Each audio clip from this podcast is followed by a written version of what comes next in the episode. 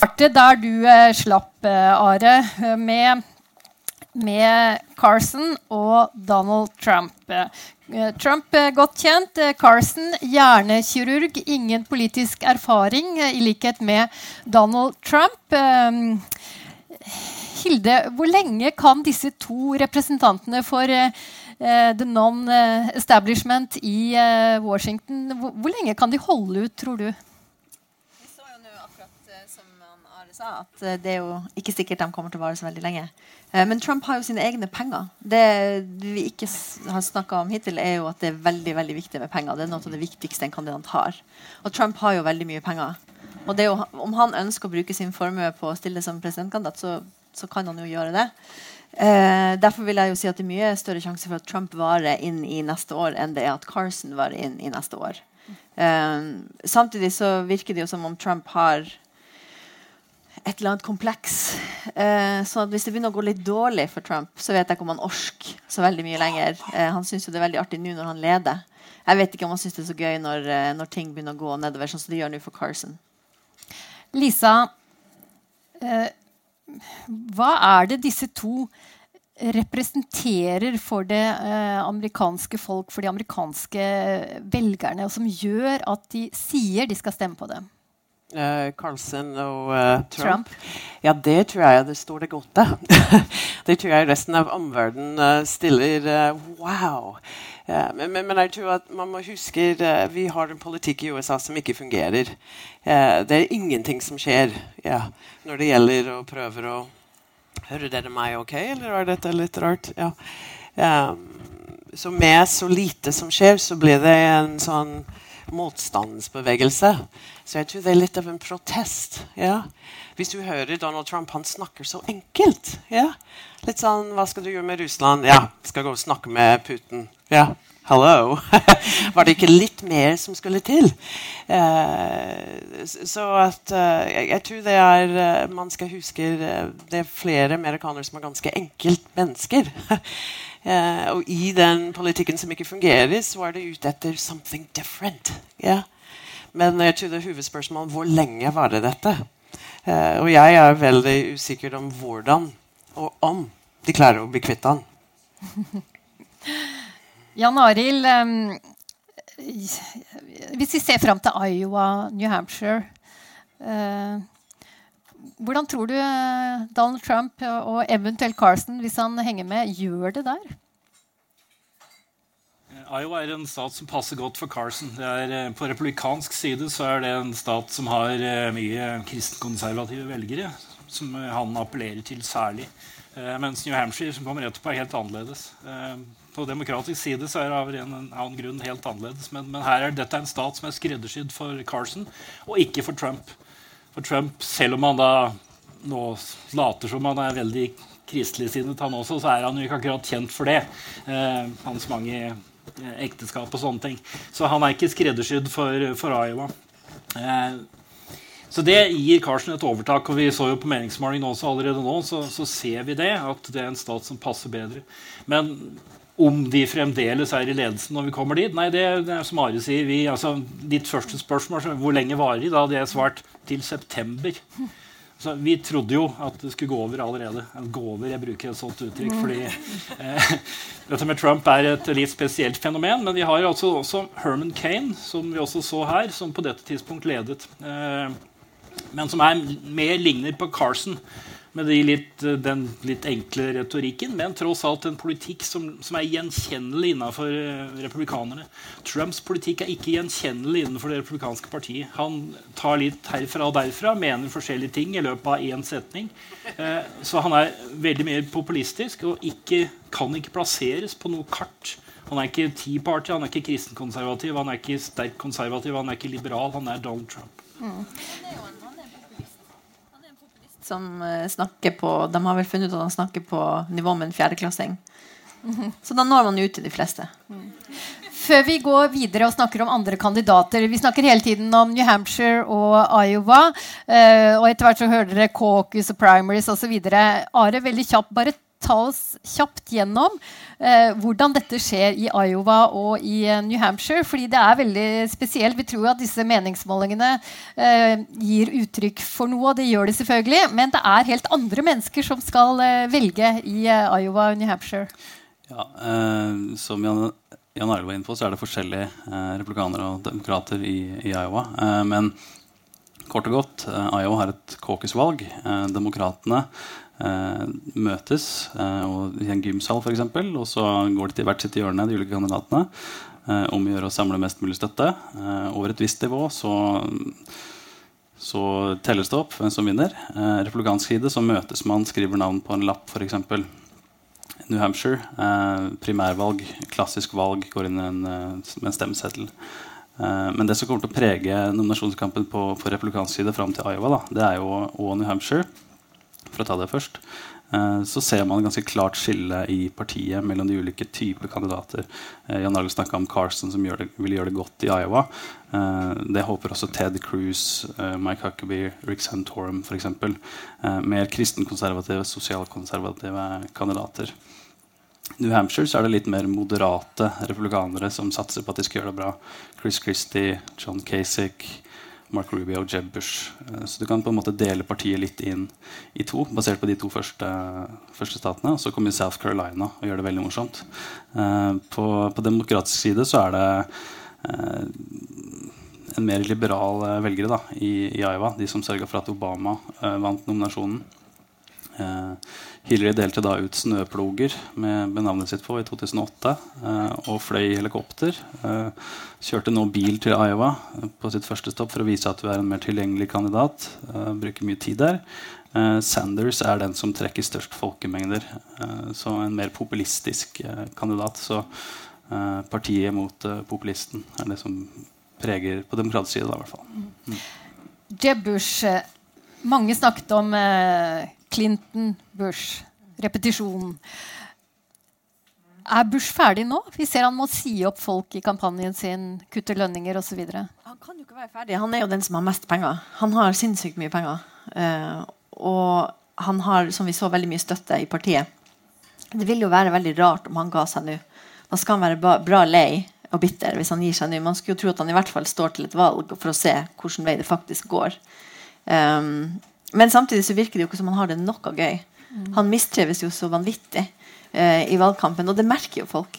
Amerikanerne liker jo The Happy Warrior. De liker type Bill Clinton eller folk som klarer å inspirere og virker som de sjøl trives og har det gøy når de møter folk og får folk til å synes at det er artig med politikk. Eh, Jeb Bush står jo bare der og stirrer ned i bakken. Og de, de debattene han har vært i, så det virker jo bare som om han skulle ønske han var en annen plass. Mm. Uh, og det er jo litt merkelig når man skal være the frontrunner. Mm. Ja, eh, jeg har snakket med mine to sønner som bor i USA, og de sier at Bush han er jo så forferdelig kjedelig. Det er ingen som orker det. Er det hans problem? Ja, han er en middelmådig kandidat. Eh, men han har da navnet som både er positivt og negativt. Positivt til det replikanske partiet, kanskje negativt når det kommer til november neste år.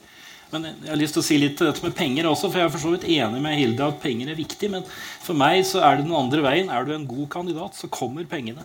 Eh, og hvis du er en dårlig kandidat, så forsvinner pengene, sånn som det gjorde med Scott Walker. Eh, og så er det helt i begynnelsen så er det da liksom establishment-kandidaten, den som er favoritt, som har pengene. Hillary og, Jeb. Eh, men det kommer ikke så mye mer penger til, til Jeb Bush nå. Om han har 100 millioner han har ikke riktig så mye, men han og disse packene som vi kan snakke om etterpå, støtteorganisasjonene, har fremdeles veldig mye penger. Han har kjørt reklamekampanjer. Det hjelper ikke. Du må ha et budskap. Så det, altså, Marco Rubios tre opptredener i debatter er verdt 100 millioner dollar i reklame. påstår jeg. Og nå kommer pengene til Rubio også. Jeg vet at du har veldig tro på Marco Rubio. Hvorfor det? Han er eh, godt plassert midt i det republikanske partiet. Han er ung, han er latino. Han har utviklet politikk på mange områder. Han er en glimrende debattant. Uh, so what's not to like? Uh, sett, sett, han, sett han opp mot Hillary Clinton. Veldig klar kontrast. Han kan også nøytralisere at hun er kvinne. Sett Jeb Bush opp mot henne. Ingen effekt. Eh, Lisa, eh, kampen, Det må står, jeg si jo, jo, til, altså, kampen det- står jo om eh, de velgerne som er akkurat i, eh, i sentrum. ikke sant? Eh, Independent, som kan stemme enten til høyre eller til venstre, eller demokratisk eller republikansk. Eh, Er Marco Romeo en mann som kan appellere inn på demokratisk side? Jeg, jeg, jeg tror først Hæ? Ja, vær ærlig. Skal jeg være ærlig? Jeg er alltid ærlig, Hilde. Ærlig talt. Uh, men, men jeg tror at uh, sant? Du hører så mye av Marco Rubio, akkurat som uh, Jan Arnold sa, at han er ung, dynamisk. Og les, der er Obama. Med en liten rød trøye på. Men, men jeg tror ikke jeg tror han, Men ikke sant? Det er sant. Men det er ikke sant. Han vil ha utfordringer av han har flip-floppet noe ekstremt, f.eks. på immigration. Ja? Og så Hvis man tror bare av han er latino, at han skulle få alle valgene, hva med Ben Carson som er svart? Tror vi alle svarte amerikanere skal velge på, på Carson? Tvert imot. Jeg tror, uh, men jeg tror tilbake til Jeb Bush. Det er faktisk uh, mer for Rubio å tjene på jo lengre Bush er i valget. På grunn, du, du sa den debatten. Det var helt utrolig hvor sterk eh, Rubio er. Og Rubio står i en veldig god kontrast mot Bush. Men jeg tror det er Rubio vi faller fullstendig gjennom mot Hillary. Bare så det er sagt. Vi skal snakke om Hillary ganske raskt. Men Hilde, har du tro på Marco Rubio? Ja, jeg har egentlig veldig tro på Marco Rubio. For Jeb Bush eh, prøvde å karakterisere Marco Rubio som GOP Obama. Men det er jo ikke et, eh, et skjellsord. Det er jo det er et kompliment. Eh, han er akkurat like ung og dynamisk og retorisk flink som Obama var. Akkurat like uerfaren, by the way. Um, og ville stille veldig sterkt mot Hillary Clinton fordi kontrasten blir så skarp. Er, Mark Rubio sitt, hva er det han sier hele tida? Han skal 'turn the page on yesterday' or whatever. Hillary Clinton and the Clintons are yesterday. Uh, mens Jeb Bush tror jeg ville gjøre det mye dårligere mot Hillary Clinton. Uh, fordi han har akkurat de samme svake sidene som Hillary Clinton, men mer. Bill Clinton var tross alt en populær president. Det er ikke George, H, George W. Bush uh, på det nåværende tidspunkt. Og Are, som du viste i stad, når en kandidat eh, øker på meningsmålingen, så kommer også det kritiske søkelyset, og vops, så kom det en gammel kredittkortskandale fra Rubios eh, forrige valg også. Der var den også framme. Er den skadelig for?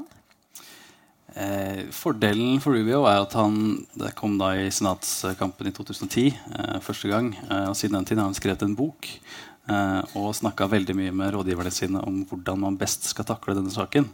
Eh, hvis vi får det spørsmålet. Han har hatt sek fem år på seg da, på å forberede seg. Eh, og det så vi jo gikk veldig bra i debatten. og hvordan han takler det nå. Nå har de sluppet enda mer informasjon. og han er jo altså, Jeg syns også Rubio er veldig flink til, til, det at han Kritiske spørsmål, så snur han det, og så snakker han om sin egen biografi og sine egen, altså foreldrene.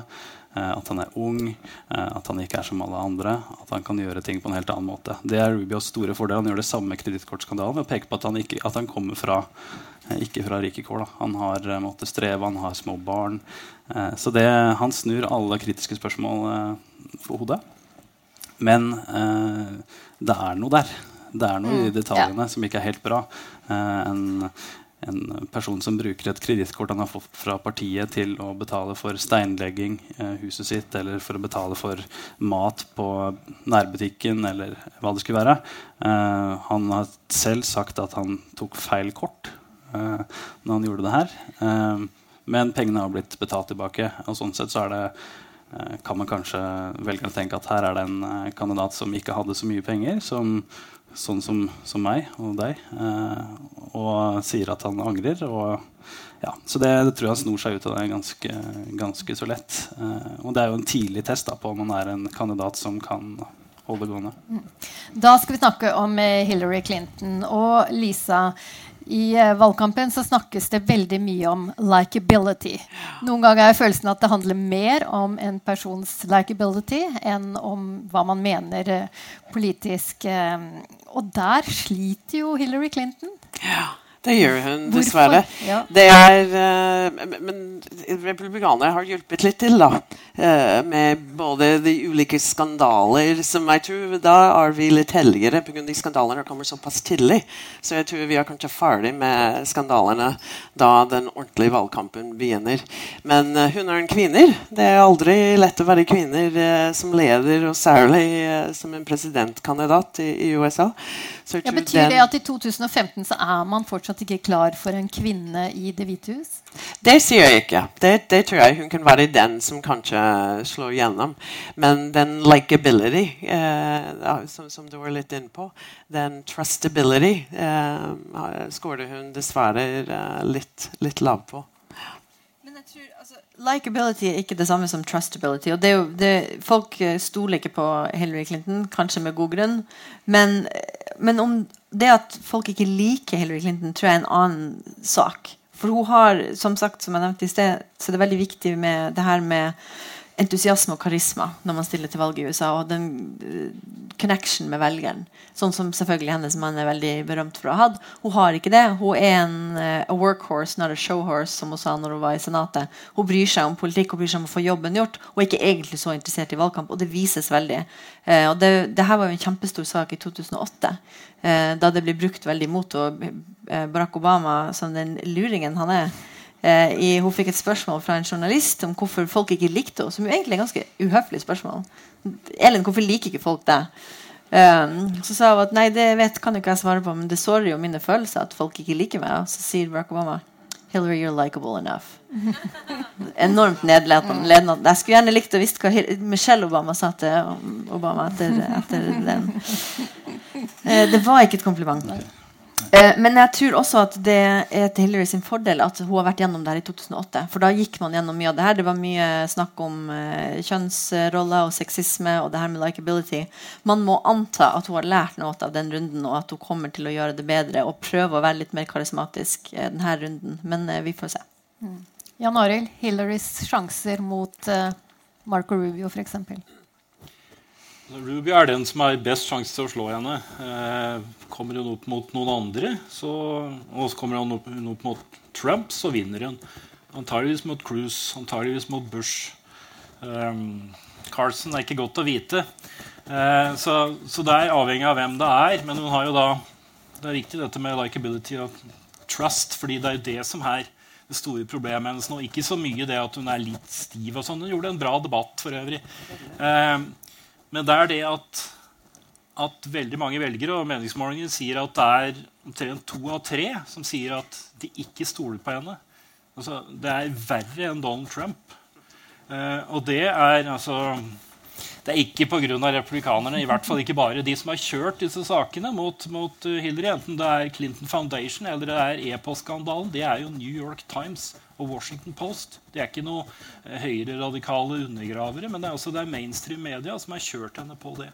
Og det, dette er et stort problem. Jeg tror Dette er et mye større problem enn Rubios uh, kredittkort. Jeg er enig i at han har større problem på, på innvandring, for der er det vanskelig å manøvrere i det republikanske partiet. Men dette kan flytte noen velgere.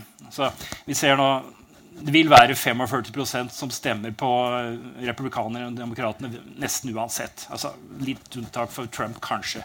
Eh, men, men, så det er disse 10 prosentene.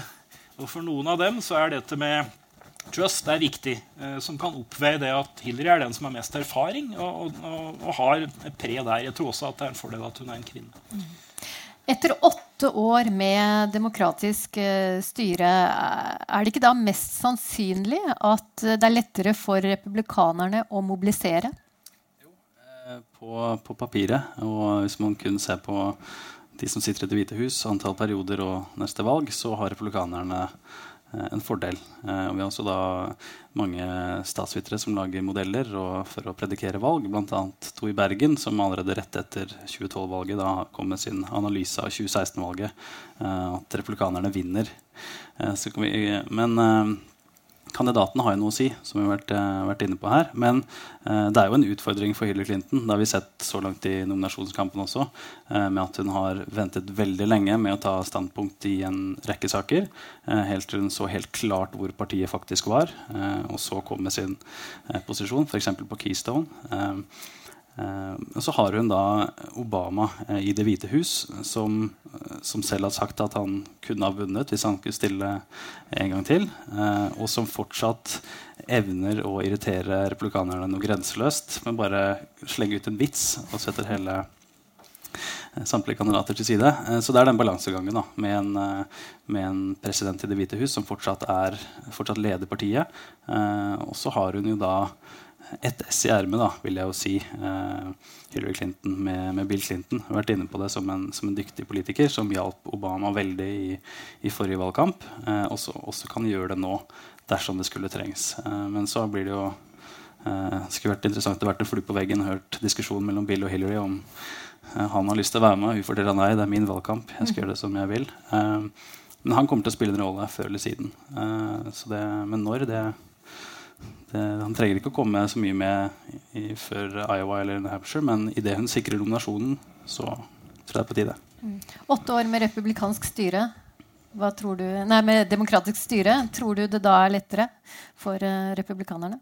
Um, jeg tror, Som en av de her statsviterne som tuller med fakta og tall, og sånn, så tror jeg tenker at uh, det som egentlig er viktig, er økonomien det, Vi elsker å snakke om kandidatene og vi elsker å snakke om hvor dum Trump er. Og, og alt sånt, Men det som egentlig er viktig, er hvordan de amerikanske velgerne tenker at det går med landet. Går det bedre eller går det dårligere?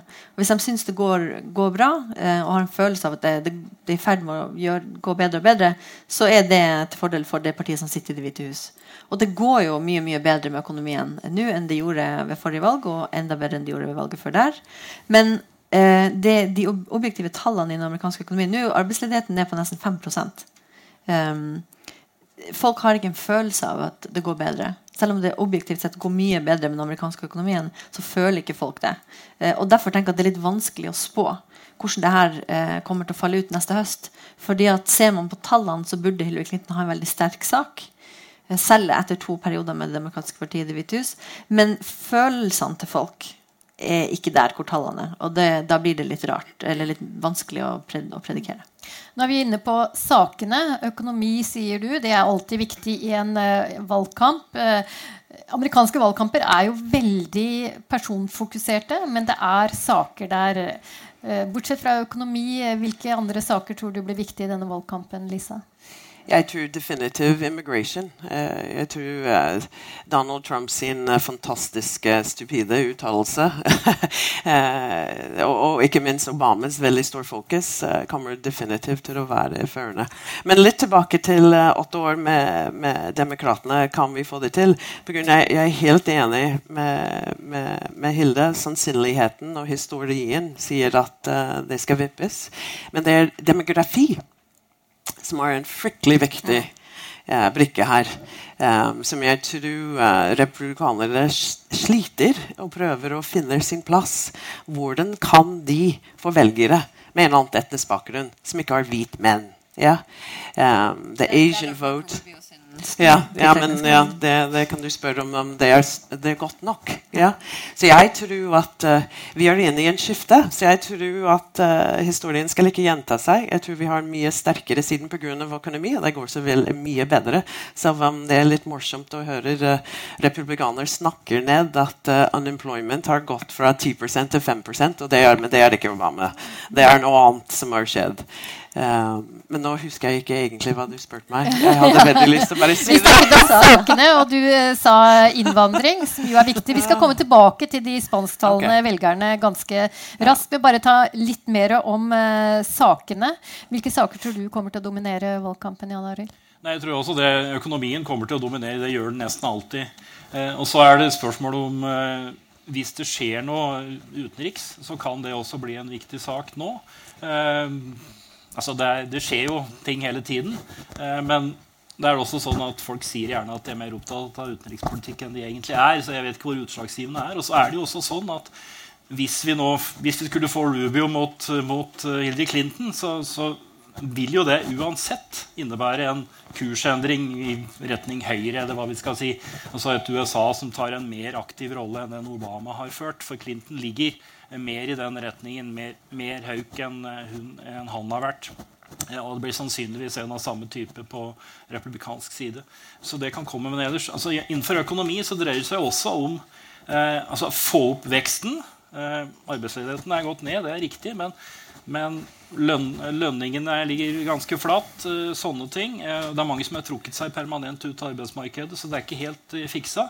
Men der blir det en debatt, en tradisjonell høyre-venstre-debatt, der republikanerne kommer til å snakke mer om lavere skatter og, og, og, sånne ting, mens demokratene kommer til å snakke mer om fordeling og og bruke staten for å gi bedre muligheter. Are, er det mulig å bli president i USA fra nå av og framover uten å ha et godt inntak hos de spansktalende velgerne? Nei, det er det ikke. Eh, og eh, Romney eh, fikk jo erfare det. McCain også. Og etter nederlaget til Romney så kom jo det republikanske partiet med en De kalte det ikke det, men det var en obduksjonsrapport av av valgnederlaget. Hva gikk feil? Hva må vi gjøre for å vinne? Eh, og da var det en av de tingene som ble trukket fram. Eh, vi må appellere mer til minoriteter, ikke bare spansktalende, men også afroamerikanere. Eh, og unge velgere og kvinnelige velgere. Så det er jo en, en stor oppgave som de, som, de, jobber med. på papiret, hvis vi bare ser på, på bioen til de ulike kandidatene, så har jo republikanerne et variert felt. Hvis vi kan Mer enn uh, en demokratene, som har en, en veldig erfaren eldre kvinne. En pensjonert nesten, Bernie Sanders, og en tidligere guvernør. De tre kandidater. Mens republikanerne da har en afroamerikaner, to cubanske amerikanere. og de har tidenes første indisk-amerikanske guvernør, Bobby Jindal, som også stiller som presidentkandidat. Så de har et veldig bredt felt. Eh, problemet for mange av de er at politikken eh, de snakker om, og sakene og måten de formulerer alt på, eh, høres veldig ut som mye av det tidligere kandidater har sagt, eh, uten at de vant fram med det på republikansk side. For Rubios del så, så, var han en av de som kjempa for en immigrasjonsreform i, i Senatet. Eh, som ikke gikk noe vei pga. huset, Representantenes hus. Eh, og har siden blitt mer konservativ. Senere endra deler av hans tilnærming til immigrasjon for å tekkes til mer konservative innad i det republikanske partiet. Noe Hillary Clinton og demokratene gleder seg til å trekke fram dersom Rubio skulle vinne eh, nominasjonen. Eh, mens Jeb Bush eh, jo også da har en kone som er fra Mexico. Han er tospråklig, han har tospråklige barn. Eh, så Jeb Bush har også den muligheten til å ikke bare være en hvit mann med etternavn Bush, men også vise at han er en del av det nye Amerika eh, med familien sin, blant annet, og at han snakker flytende spansk. Så det hadde vært eh, drømmen for min del eh, sitte og se en presidentdebatt der en republikaner plutselig begynner å snakke spansk på scenen, og se hvordan Hillary Clinton skulle takle det hele.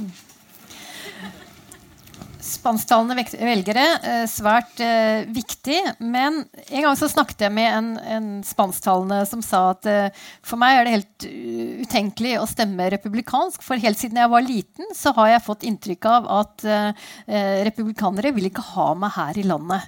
Det er nesten en umulig oppgave, da.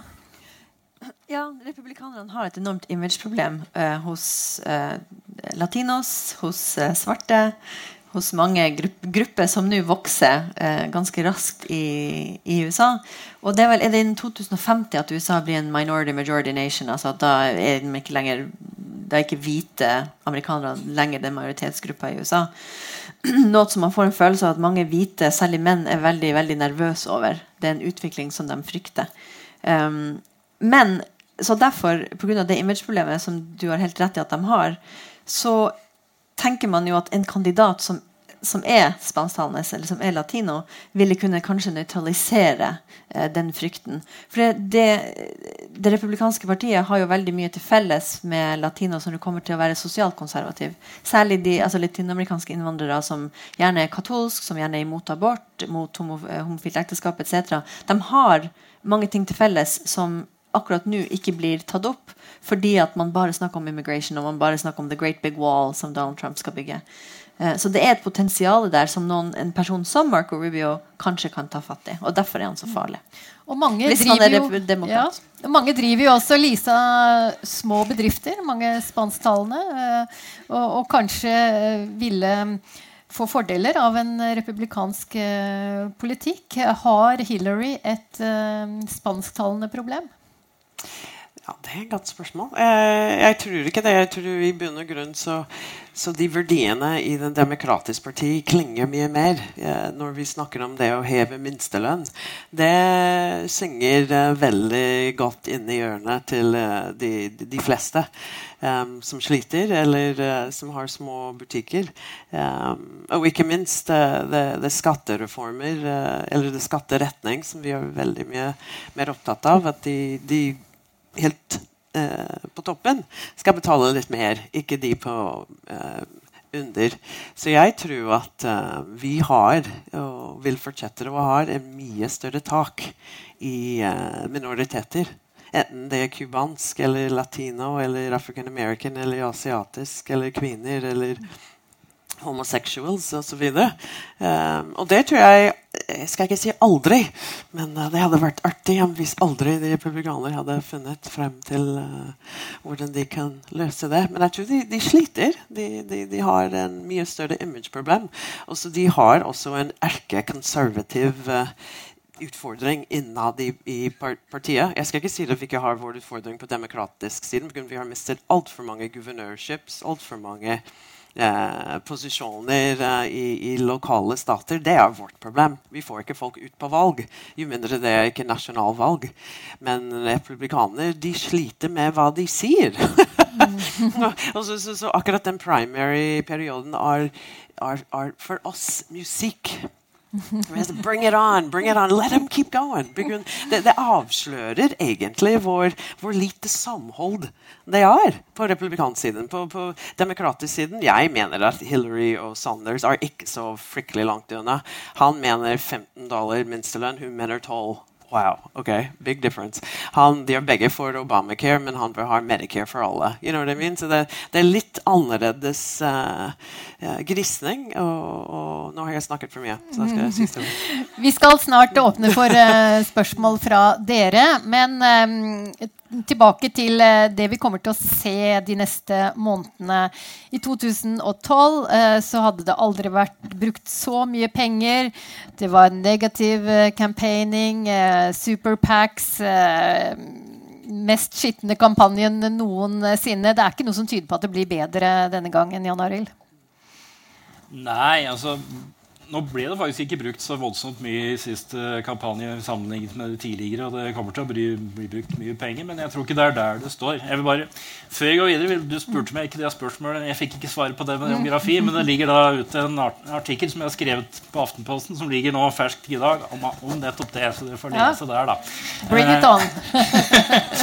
Eh, men eh, sirkus og, og penger og sånn nå må du gjenta spørsmålet. for nå har jeg nei, men, vi, vi, rekker eh, kjapt eh, dispanstallene, velgerne, demografien. Ja. Uh. To ting. Det, det, ene er det kortsiktige.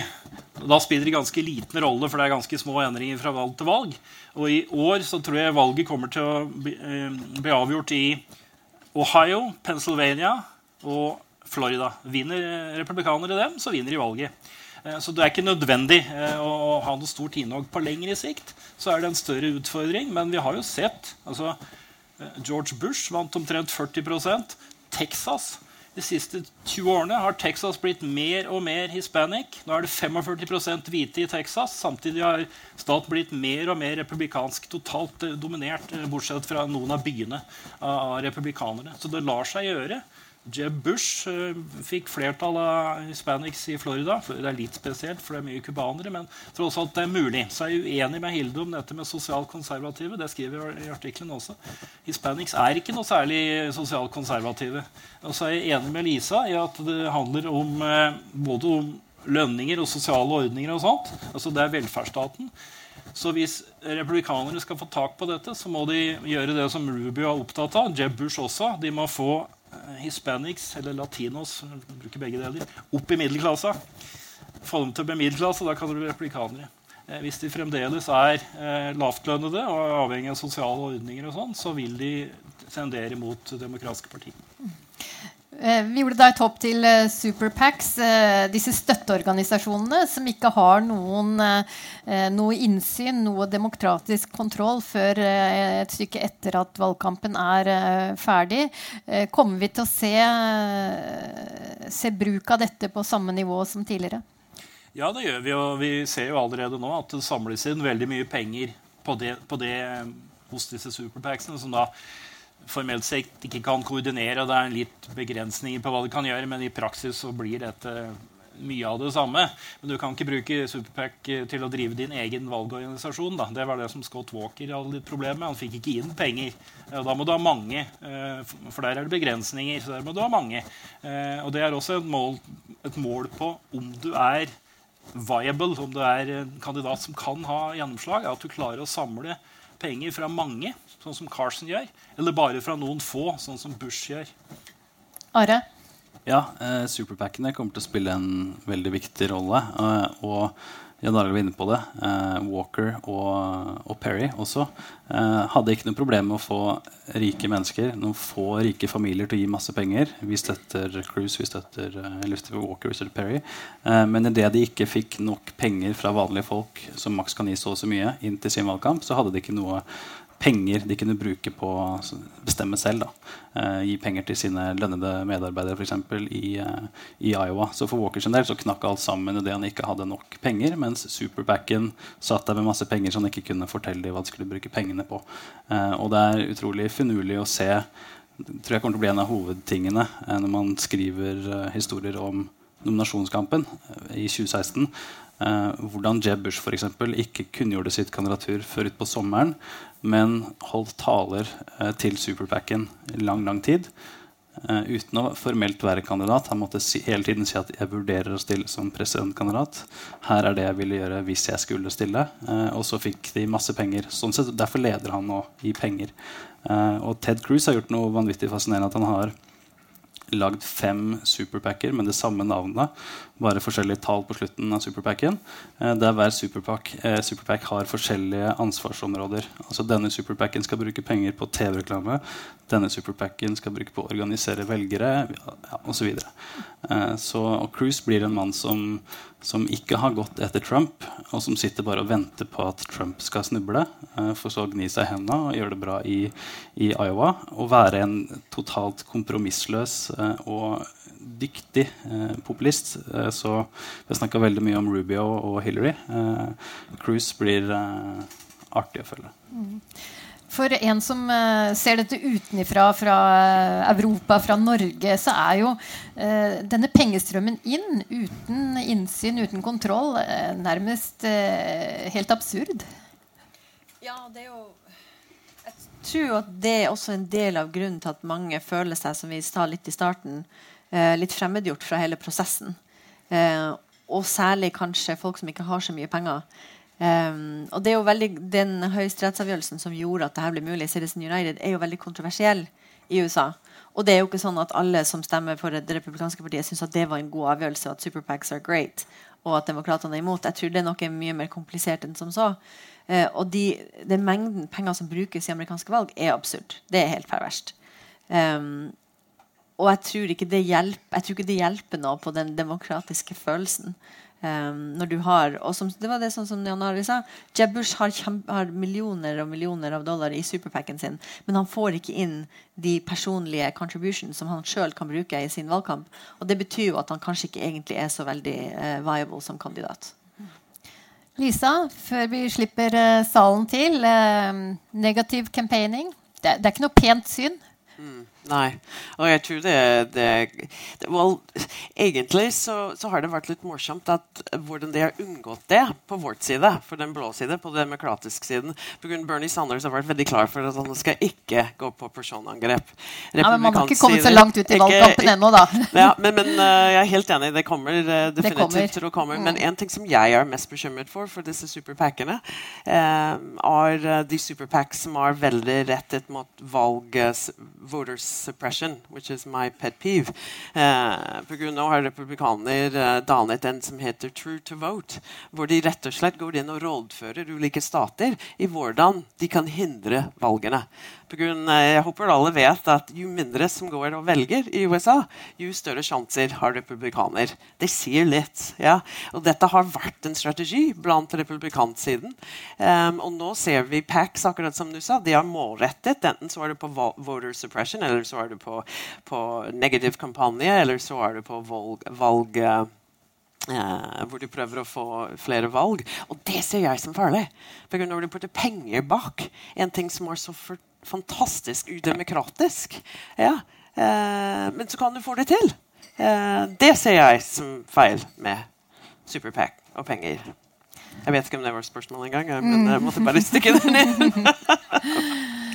Nå skal vi slippe salen til. Jeg må be dere om én ting. Jeg vet at det er mange her som vet masse om USA og amerikansk politikk. Eh, men prøv å formulere det i et kort spørsmål. Det er sikkert mange av dere som har vært på denne type arrangementer og har eh, nettopp sett det at det er litt vanskelig for mange å formulere dette i et kort spørsmål. Dere må komme fram hit til den mikrofonen. Eh, det er bare å komme og stille spørsmål til panelet. Ikke vær beskjeden. Førstemann kommer der.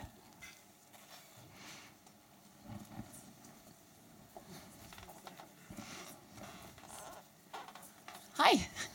Jeg heter Nadia, og jeg bare lurte på Ted Cruz er jo født i Canada, så jeg bare lurte på hvordan de har løst dette her. Han er fortsatt med i valgkampen. Det er jo litt spennende. Mm. Are, vet du det? Eh, jeg eh, vet bare det at han kan eh, stille som natural born citizen. Er vel, så, men eh, det fine er jo at det finnes birthers som, eh, som også da peker på cruise. så sånn sett er det veldig sånn Det var veldig mye mot Obama. og der var jo Trump en meget sentral skikkelse for noen år siden. Eh, men Cruise kan stille, men han kommer sikkert til å få en del spørsmål om det. Men han frasa seg Han hadde vel delt statsborgerskap tror jeg, for noen år siden, mens frasa seg det canadiske bare for å være helt tydelig. John McCain var vel født i Panama eh, også. Men det står vel ikke i, i, Grunnloven at man må være født i USA. Det står at man må være naturalized citizen. og der, deri ligger den lille forskjellen som gjør at det går an. Nestemann.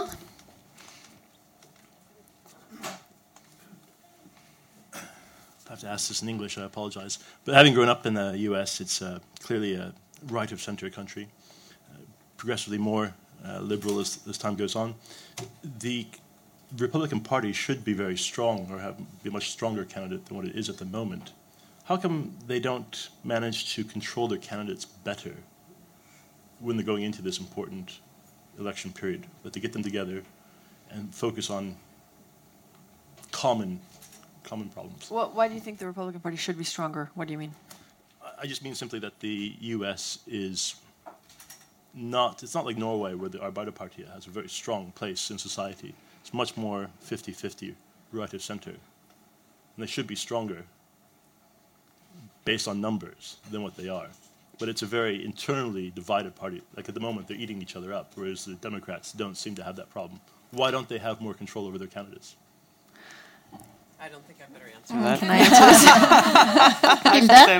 well, no, that's a great question because this is also actually a new development. It used to be that the Democrats were the people who did not control their party, who couldn't control their candidates, and it was just sort of a big tent of all these different groups that couldn't agree on anything. Whereas the Republicans were the hierarchical, organized, uh, well disciplined party, uh, which has changed completely. And I think part of the answer is one of those boring political science answers that is about structure because they changed how you nominate candidates in the 70s and 80s uh, away from the party elites. So the parties, you said, why doesn't the party control its candidates? The party doesn't have hardly any power anymore, especially over the nominating uh, process because the, the, the caucuses and the primaries are open. Uh, and so it's not the party elite that sit in a room, in the smoke filled room, and decide we want Cruz.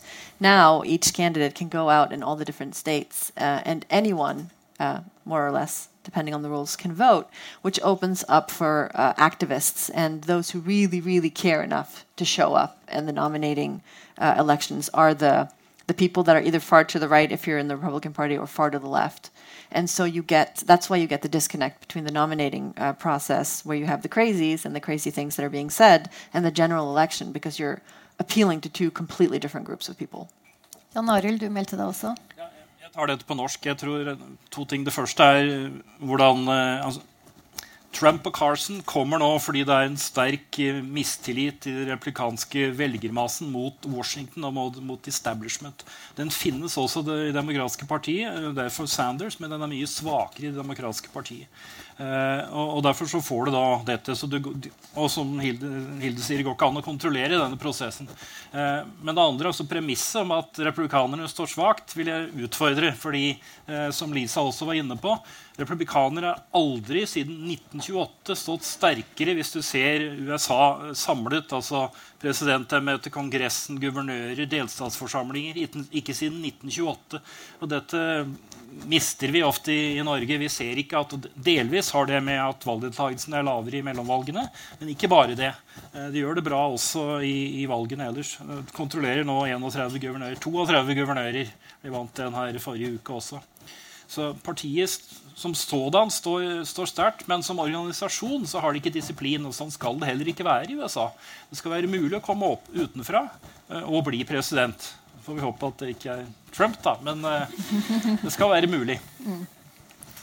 Ok, satisfied with the answer? Next. Nestemann. Hei, jeg heter Tina, og jeg lurte på hva demokratene kan gjøre for å håndtere dette med voter suppression. fordi det er jo de, det er deres demografigruppe som, som det her slår ut på. Og jeg skal si deg, Det er utrolig mye som forsøkes å gjøre. Nå er det sånn at endelig så har det senater fra Alaska blitt um, co-sponsor av The Voting Rights Act, så kanskje det kommer litt tilbake. På grunn av det legislation uh, Nå, nå kaster jeg i en engelskord som ikke kan på norsk så godt. Jeg håper dere henger med. Eh, som egentlig snudde en mulighetsrom for republikaner. Men i tillegg, så i enkelte stater som er blå, som er demokratisk, så har de forsøkt å innføre eh, regler hvor du ble automatisk eh, eh, registrert som velgere når du er 18 år. Eh, og automatisk oh nei, det, det er det som Bernie Sanders prøver å gjøre. Å gjøre det til en federal lovgivning istedenfor på statlig basis. Og da vil du drepe enhver form for voter suppression. Men det som de gjør i Oregon og noen andre blå stater, er å prøve når du går inn og registrerer for å få din uh, driver's license, at dermed så er du automatisk registrert. Så vi, vi prøver å finne våre triks. det er ille å si triks for at folk skal egentlig ha sin rett til å stemme. Eh, men uh, tro meg eller ei, det er mye fokus på valgsuppression. Og det kommer til å være en kjempekampanje mot uh, 2000 og, 2016 også. Jan Arild. Kjapt. To ting. Det ene er at eh, for det første så er dette det er mange forskjellige ting uh, i, det, i dette. Blant annet så er det veldig mange uh, på demokratisk side som blir veldig oppkavet over stater som forlanger at velgeren skal legitimere seg. Det gjør vi i Norge og føler det er helt naturlig. Det andre er at disse kampanjene har begren... Altså, det fins sånne forsøk. De har begrenset effekt. Valgdeltakelsen blant svarte i 2012 var høyere enn blant hvite. Flere spørsmål? Hei, Massimo. Hei, hei. Jeg heter Massimo. Eh, direkte til Jan Arild. Du er en bettingmann og har god kontroll på numrene. Eh, dette er jo et valg, og vi har snakket mye om presidenter nå. Jeg skal ikke spore av for mye, men jeg tillater meg å spørre om din mening. Senatet, vil det flippe? Eh, Representanten Hus vil antagelig ikke, men jeg spør deg. Vil begge ting flippe? Det gjør det lettere for en kommende president eh, å jobbe som det ikke har vært nå de siste seks årene. Takk. Det er veldig lite sannsynlig at Representantenes hus vil flippe. Eh, der er republikanernes flertall relativt stort, og det skal mye til. Eh, når det gjelder Senatet, så er det veldig avhengig av hvordan det går i presidentvalget. Eh, I utgangspunktet så er det nå sånn, og dette er viktig fordi hvis republikanerne vinner og har flertall i Senatet og i Kongressen, så kan de gjøre ganske mye. Selv om de antakeligvis ikke får 60 senatorer, som, som de må for å gjøre alt de vil. Men Men i Senatet så, så ligger det nå an til at demokratene kan ta litt tilbake, fordi det er rett og slett er flere, det er flere av republikanernes utsatte plasser som er på valg nå. Eh, Men her kommer det an på om, om presidenten Altså hvem som vinner valget, om de klarer å dra med seg hvis Hillary Clinton eh, vinner presidentvalget, så kommer utvilsomt eh, demokratene til å vinne eh, flere senatsplasser. Kanskje nok til å, til å vippe det. Da er vi tilbake til der Obama var før. eh, ja. Men hvis Marco Rubio blir president, så tror jeg han kommer til å ha hele greia. Men da har han også alt ansvaret. Ingen å skylde på. Vi har eh, tre spørsmål og strek nå under eh, neste spørsmålsstiller. Vær så god. Hi, uh, Brad Larson, Vice Chair for Demo- Democrats Abroad, and I'll do this in English. Uh, we just talked about a possible flip in the Senate, which I think is highly possible, uh, but not in the House. My question is if we look forward not just 12 months, but 15 months, when we have a President Hillary Clinton, my hypothesis, uh, what sort of advice can we give Hillary for how she should lead in a very hostile Congress? Min Mare, kanskje? Nei, altså, jeg tar det på norsk. Eh, Obama tok jo med seg mange Clinton, Bill Clinton-rådgivere.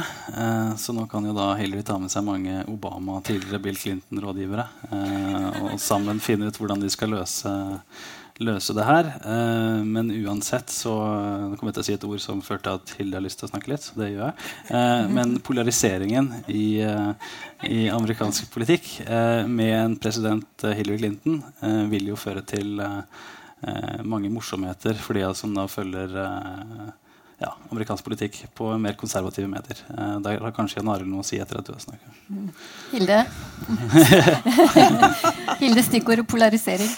Ja. Eh, nei, men det som er Det amerikanske systemet er et vetosystem. Så du, er, du får ikke gjort noe hvis ikke du får med deg Huset, hvis ikke du får med deg Senatet. Eh, og det Barack Obama ikke har gjort, er jo å få med seg eh, den lovgivende delen av det amerikanske systemet.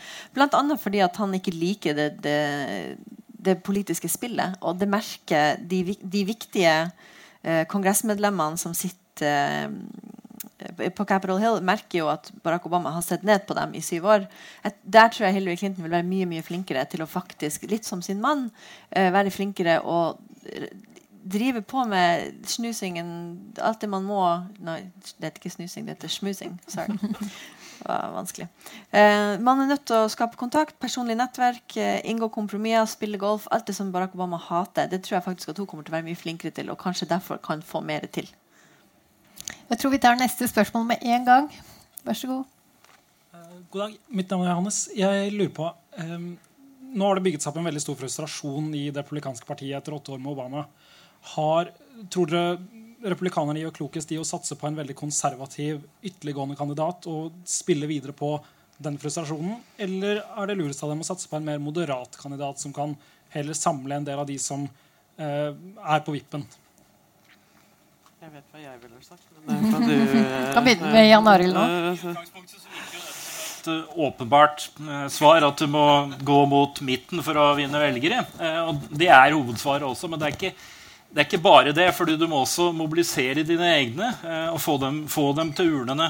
Eh, og det vil jo da, så Du må finne en balanse her eh, mellom å appellere til, til kjernevelgerne, få dem til urnene, men, ikke, men også appellere i midten.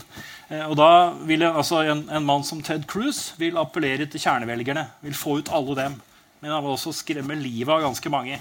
Eh, jeg tror han har liten sjanse til å bli valgt. Eh, mens, mens da du, En Rubio eh, igjen eh, Bush kanskje vil kunne appellere mot, mot midten. Carson har en enorm appell nå. Altså, Carson leder jo eh, over Hillary Clinton på nesten alle målinger og gjør det best av alle republikanere. Eh, det er fordi han er så nice eh, og appellerer på grunn av det. So likable. ja, so likable. Jeg tror ikke det vil vare. da. Nå er han jo under denne scrutiny som, som Ari var inne på. Så ja. Men det, det republikanske partiet er jo inne i en kjempeinteressant utvikling, fordi at de har en slags indre borgerkrig på gang. De er, de er litt i, sånn, i fornektelsesfasen. De er nødt til å endre seg som parti for å appellere til de nye gruppene som vokser frem i det nye Amerika med den nye demografien. Men de er ikke der enda. De sitter med kandidatene eh, kandidater på ytre høyre som lever litt sånn i fornektelsen, som ønsker å, å sparke fra seg før de, før de endrer seg. Eh, så sånn sett så kunne det jo være man kunne jo da fremskynde denne erkjennelsen av at man er nødt til å endre seg hvis man nominerte en kandidat fra ytre høyre for å se hvor dårlig han ville gjøre det i presidentvalget. For å få en realitetsorientering. Eh, men eh, antagelig så Det vil kan koste dyrt. Det, det kommer til å koste dyrt. Men eh, antagelig så vil jo det skje som skjedde de forrige to valgene, at man velger en moderat kandidat, som da igjen gjør at de i ytre høyre i partiet fortsetter å være veldig misfornøyd. Det er flere i køen. Heter Richard. Um, en selvstendig kandidat oppi dette her uh, er uh, egentlig så enkelt som penger. At den ikke kunne fremme seg bedre. Og så lurer jeg på hva skjer med Bernie Sanders' støtte når Hillary kommer mye mer fram. Du snakker om en tredje kandidat, en uavhengig kandidat. Hvorfor får vi ikke en uavhengig tredje kandidat? Lisa? Ikke. Jeg, jeg, jeg, tror ikke det er så lett. Du trenger penger, du trenger et navn, du trenger nettverk, du trenger appell. Um, men altså, jeg håper vi ikke går med Bernie. Jeg syns Bernie har vært så morsomt. Uh, han er utfordret. Han er, uh, han, snak, han er liksom vår uh, heldigvis litt mer temperert Donald Trump på, på vår side. Men jeg tror dessverre han er ikke electable. kanskje han kan bruke han i, i et eller annet office. ikke ikke Foreign Affairs eller et eller annet sånt noe, tror jeg. Uh, men uh, jeg tror det ble ferdig med, med Bernie etter, uh, etter Hillary får nominasjon. Are? Bernie Sanders uh, er jo en uavhengig kandidat. altså Han er en uavhengig senator. Uh, noe Hillarys største støttespillere liker å påpeke, at han egentlig ikke er en demokrat. Uh, men Bernie Sanders fant jo annet ut at for å stille som presidentkandidat så kunne ikke han gjøre det som uavhengig kandidat. Nettopp pga. utfordringen med å komme seg på stemmesedlene i samtlige 50 stater. det er ikke bare penger, det er organisering. Ja. Eh, organisering og nok penger til å kunne gjøre det. Eh, men idet han nå har kommet i gang, så skulle man jo tro at han kanskje kunne klart det med det budskapet sitt som en uavhengig kandidat. Eh, men Ross Perot, for eksempel, som var uavhengig kandidat i 92, eh, gjorde det veldig bra. Fikk ikke en eneste valgmannsstemme. Eh, så Demokratene har en uavhengig kandidat som kaller seg en demokrat. Så det er i hvert fall en, noe. Jan Arild? Det er bare rom for en sånn tredjekandidat dersom det er stor misnøye med begge partier internt. I dag er det stor misnøye internt i det republikanske partiet, men ikke i det demokratiske. Så det er ikke et rom, tror jeg. Så kunne det tenkes altså, Trump har jo, har jo flørtet med dette selv. Han lovet å ikke gjøre det, men de de, ikke, de, løftene er ikke verdt noe hvis Trump tror han kan vinne. Men jeg tror hvis han taper nominasjonen, så tror han heller ikke at han kan vinne. Men gitt at Trump blir nominert, da, hva skal da altså, Michael Bloomberg vil jo bli utmåtelig fristet, og han har pengene. Eh, men det vil også garantere at Hillary vinner hvis du splitter. For det er, det er nesten, og det skal også være vanskelig å, å vinne helt utenom partiapparatet. Jeg snakket i stad fint om at det skal kunne komme inn utenfra. Men, men, å gå helt utenom alt og bli president, det tror jeg ikke nødvendigvis er så gunstig heller. Og det har jo heller ikke skjedd. Nå ser ikke jeg noen flere i køen eh, her. Da, jo, der var det en. Kom, vi uh, åpner opp for en til.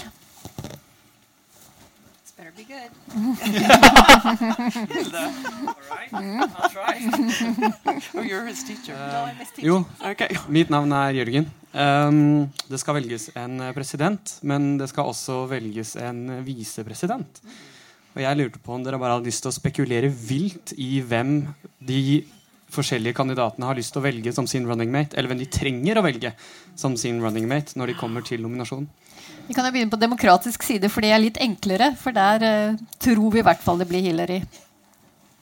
Jan Arild, hvem eh, skal Hillary velge som visepresidentkandidat? Altså, hvis det blir Rubio, så kan det hende Jeg antydet det før, at det er en som heter, en som heter uh, Julian Castro.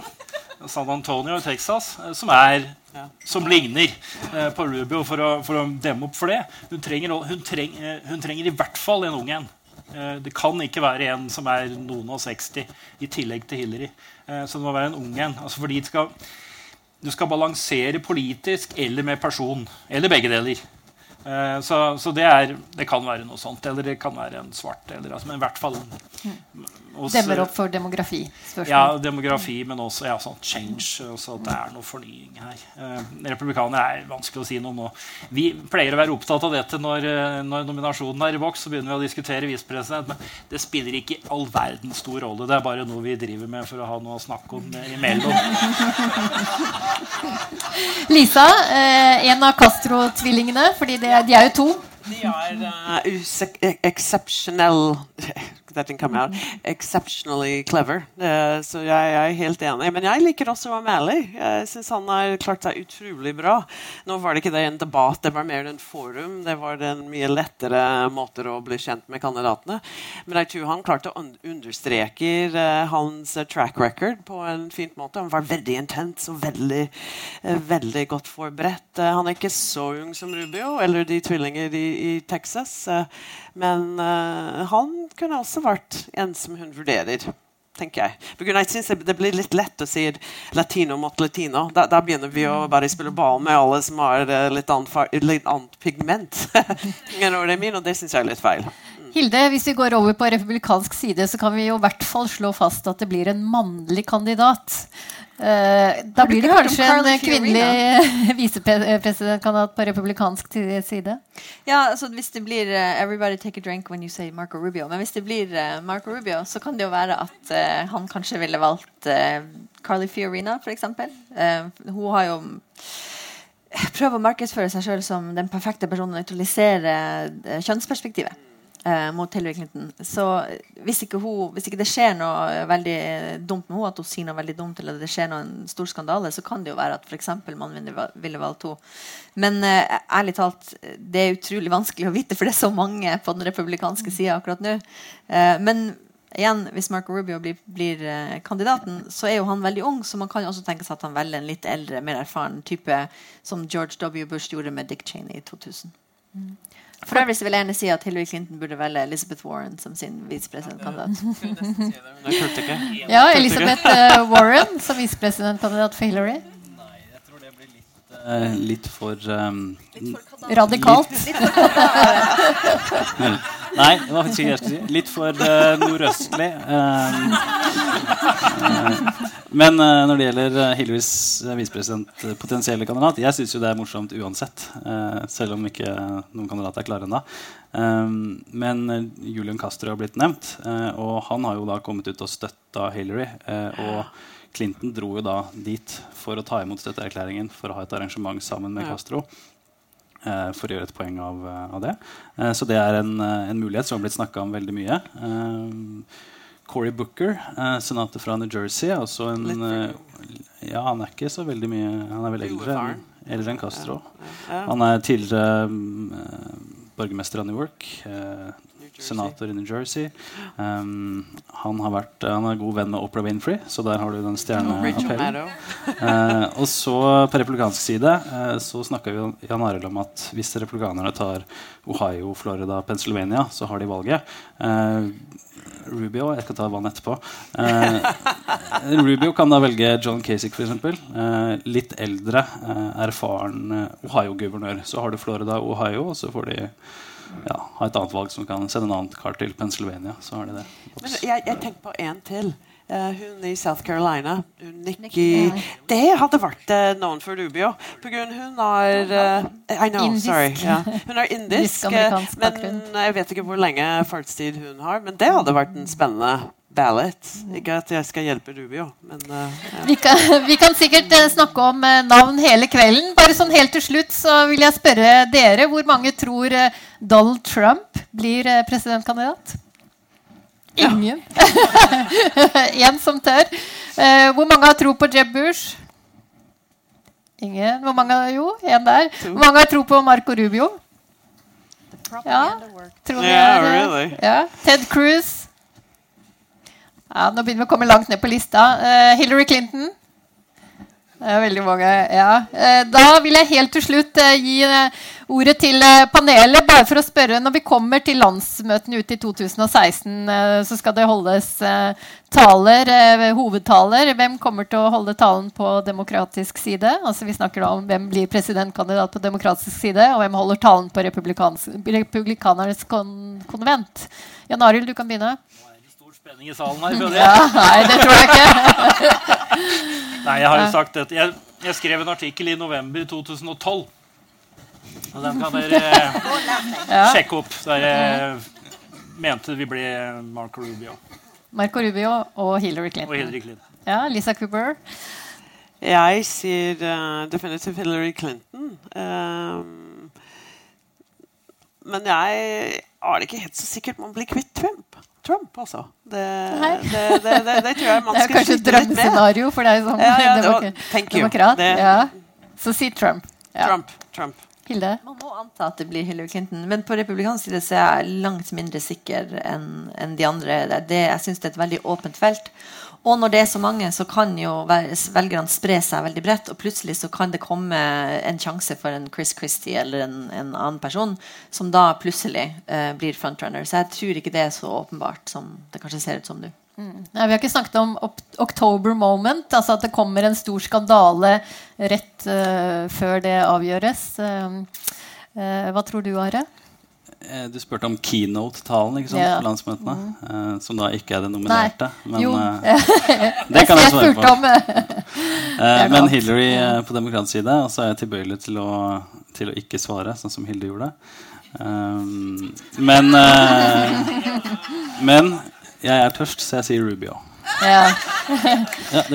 Jeg sier Marco Rubio, som jeg har møtt, og som gjorde et veldig godt inntrykk, og Hillary Clinton. Mm. Tusen takk for at dere kom, eh, alle sammen.